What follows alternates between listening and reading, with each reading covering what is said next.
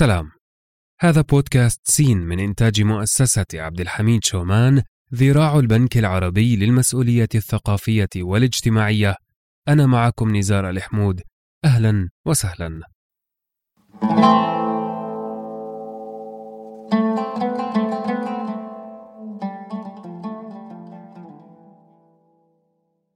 أهلا وسهلا بكم جميعا.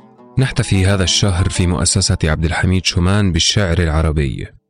إذ تهتم مؤسستنا بالشعر كشكل من أشكال التعبير الإنساني وتحتفي به لكونه أحد أجمل نتاجات الأدب عموما إذ تفسح للأمسيات الشعرية المجال في جلسات المنتدى الثقافي وتفرد للشعر الحقول في جوائزها الأدبية وتحرص أن تضع بين رفوف مكتباتها العديد من الدواوين الشعرية وسير الشعراء.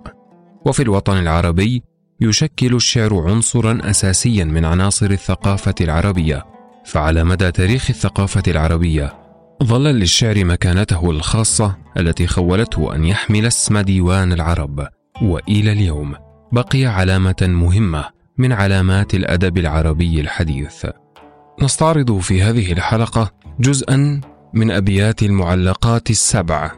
ونبدأ مع معلقة امرئ القيس وطرفة بن العبد وزهير بن أبي سلمى ولبيد بن ربيعة وعمرو بن كلثوم وعنترة بن شداد ومعلقة الحارث بن حلزة. ونفتتح معلقتنا الأولى مع امرئ القيس. قف نبكي من ذكرى حبيب ومنزلي. بسقط اللوى بين الدخول فحوملي. فتوضح في المقرات لم يعفر اسمها لما نسجتها من جنوب وشمال ترى بعر الآرام في عرصاتها وقيعانها كأنه حب فلفل. والآن مع معلقة طرف ابن العبد لخولة أطلال ببرقة ثهمدي. تلوح كباقي الوشم في ظاهر اليد بروضة دعمي فأكناف حائل. ظللت بها أبكي وأبكي إلى الغد. بالمناسبة هذا البيت تحديدا موجود في بعض النسخ وبعضها غير موجود. وقوفا بها صحبي علي مطيهم يقولون لا تهلك أسا وتجلدي. والآن موعدنا مع معلقة زهير بن أبي سلمى. أمن أم أوفى دمنة لم تكلمي. بحومانة الدراج فالمتثلم. ديار لها بالرقمتين كأنها مراجع وشم في نواشر معصم. بها العين والآرام يمشين خلفة وأطلأها ينهضن من كل مجثم. وقفت بها من بعد عشرين حجة فلأيا عرفت الدار بعد توهمي. محطتنا التالية مع لبيد بن ربيعة عافت الديار محلها فمقامها بمنى تأبد غولها فرجامها خلقا كما ضمن الوحي سلامها. دمن تجرم بعد عهد أنيسها حجج خلون حلالها وحرامها.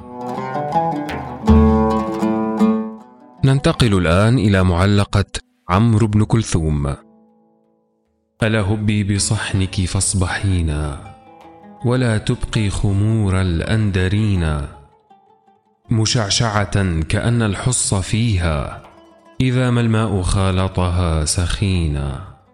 تجور بذي اللبانة عن هواه إذا ما ذاقها حتى يلينا. نصل الآن إلى معلقة عنتر بن شداد. وهذه نسخة الخطيب التبريزي من كتاب شرح القصائد العشر. هل غادر الشعراء من متردمي أم هل عرفت الدار بعد توهمي يا دار عبلة بالجواء تكلمي وعمي صباحا دار عبلة واسلمي فوقفت فيها ناقتي وكأنها فدن. لأقضي حاجة المتلوم وتحل عبلة بالجواء وأهلنا بالحزن فالصمان فالمتثلم. والآن نصل إلى نهاية الرحلة مع المعلقة السابعة للحارث بن حلزة. يقول آذنتنا ببينها أسماء رب ثاو يمل منه الثواء. بعد عهد لها ببرقة شماء فأدنى ديارها الخلصاء.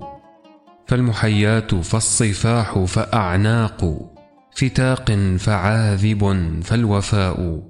فرياض القطا فأودية الشربب فالشعبتان فالأبلاء.